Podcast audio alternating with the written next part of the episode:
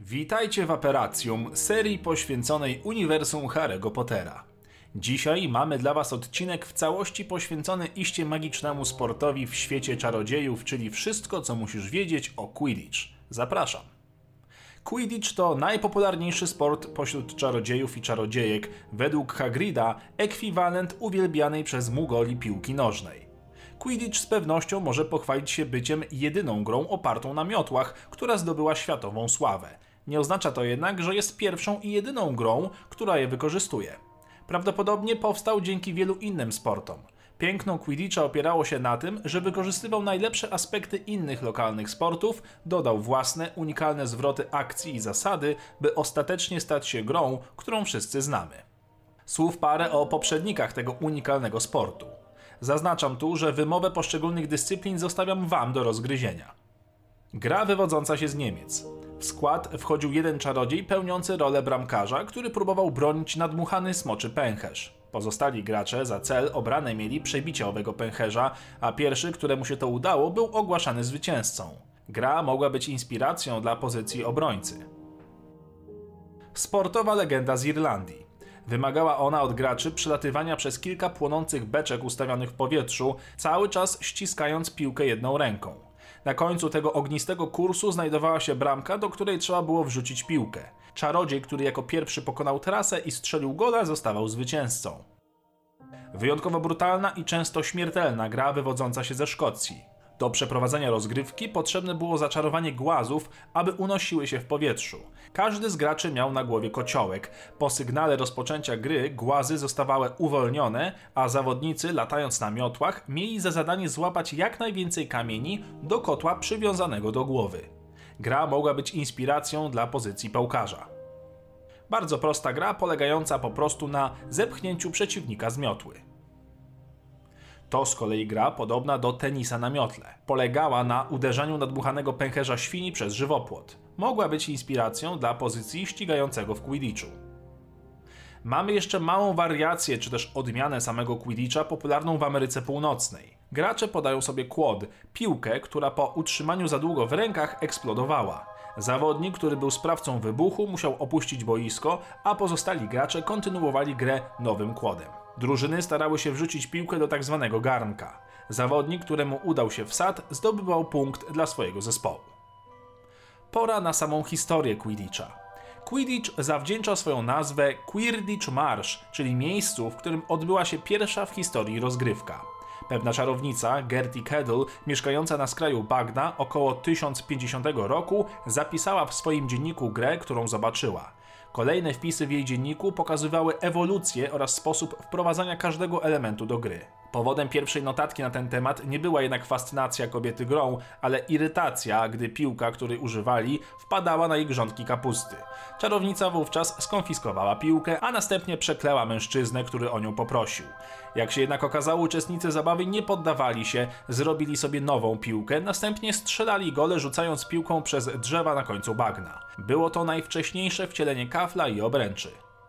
Kolejny wpis zawierał opis wprowadzenia latających kamieni, które zostały tak zaczarowane, aby strącać graczy z mioteł. Jak można się domyślić, ewoluowały one potem w tłuczki. Przejdźmy teraz po kolei po wszystkich aspektach i elementach samej gry. Zacznijmy od złotego znicza.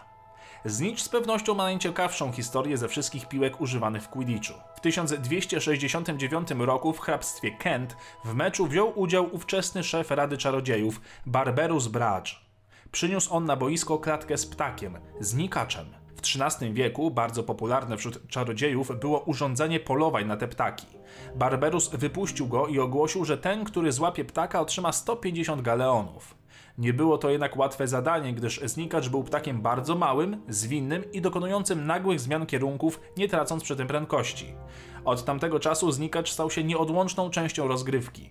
Pojawił się w drużynie nowy gracz, pierwotnie zwany jako łowca, którego jedynym zadaniem było złapanie i zabicie znikacza, co skutkowało przyznaniem 150 punktów drużynie. W związku z ogromną popularnością tego sportu, znikacze stały się szybko gatunkiem zagrożonym, co wiązało się z zakazem wykorzystywania ptaka do sportu. Potrzeba kontynuowania rozgrywek doprowadziła do wynalezienia przez pewnego zaklinacza metalu, Bowmana Wrighta, złotego znicza. Ówczesny znicz nie różnił się wiele od tego, który współcześnie można znaleźć na boisku. Była to złota piłka ze srebrnymi skrzydłami o wadze i wielkości znikacza. Przejdźmy do samego boiska, na którym rozgrywane są mecze. Boisko do Quidditcha miało kształt owalu o długości 500 stóp i szerokości 180 stóp. Na środku boiska mieścił się okrąg o średnicy dwóch stóp, z którego wypuszczane były wszystkie piłki na początku gry. Miejsca dla widowni osadzone były wysoko, naokoło boiska, jak można zobaczyć na przykład na Mistrzostwach Świata w Quidditchu w Wielkiej Brytanii w 1994. Boiska umiejscowione były na obszarach, które nie przyciągały uwagi Mugoli, a zaczęło się to w 1398 roku, kiedy czarodziej Zacharias Mumps podkreślił potrzebę ochrony przed Mugolami podczas gry. Z czasem Rada Czarodziejów zakazała grania w Quidditcha w promieniu 50 mil od znanego mugolskiego miasta, by zminimalizować ryzyko. No dobrze, znamy już historię sportu, czas poznać przebieg samej rozgrywki oraz zasady. Mecz rozgrywany był pomiędzy dwoma drużynami, w których skład wchodziło 7 osób. Trzech ścigających, dwóch pałkarzy, obrońca i szukający oraz używano czterech piłek. Kafel, dwa tłuczki i złoty znicz. Obrońca odpowiedzialny był za bronienie trzech obręczy, podczas gdy ścigający strzelali gole kaflem. Pałkarze mieli za zadanie chronić innych członków drużyny przed tłuczkami oraz odbijać je w stronę drużyny przeciwnej. Celem szukającego było złapanie złotego znicza. Punkty zdobywane są poprzez strzelanie goli, 10 punktów za przerzucenie kafla przez bramkę, 150 za złapanie znicza. Złapanie znicza kończyło również grę. Podczas meczu zdarzały się oczywiście liczne faule i wykroczenia. Oto lista niektórych przewinien, których winien unikać gracz, ale które nierzadko miały miejsce pod nieuwagę sędziego. Fauli w praktyce jest oczywiście więcej, bowiem wyobraźnia graczy w temacie łamania zasad nie zna granic. Drużyn w Quidditchu jest naprawdę wiele, dlatego wybraliśmy dla Was kilka przykładowych. Jeżeli chcielibyście poznać je wszystkie, to dajcie znać w komentarzu, przygotujemy o nich oddzielny odcinek. Z przykładowych drużyn mamy m.in. Zjednoczeni z Puddlemere, najstarsza drużyna Quidditcha w lidze. Data założenia 1163 rok. Ich wielkim fanem był Dumbledore. Harpies Holyhead, stary walijski klub Quidditcha założony w 1203 roku w Holyhead. Jako jedyna drużyna na świecie przyjmuje wyłącznie kobiety. Armatys Chudley, brytyjska drużyna założona w 1753 roku. Ponad dwudziestokrotni zdobywcy Pucharu Ligi. Niestety z czasem zaczęli osiągać coraz gorsze wyniki i od 1892 roku nie byli w stanie dotrzeć do finału. Są ulubioną drużyną Rona Weasleya. Na koniec warto jeszcze wspomnieć o samych mistrzostwach świata w Quidditchu. 1473 rok pierwszych w historii rozgrywek o Puchar Świata w Quidditchu.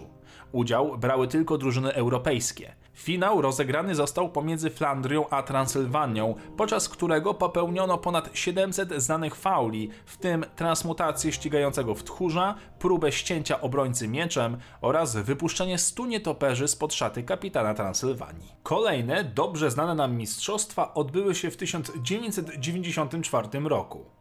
W Dartmoor w Anglii podczas Mistrzostw Świata doszło do zamieszek, gdy grupa śmierciożerców zaatakowała obóz niszcząc wszystko po drodze.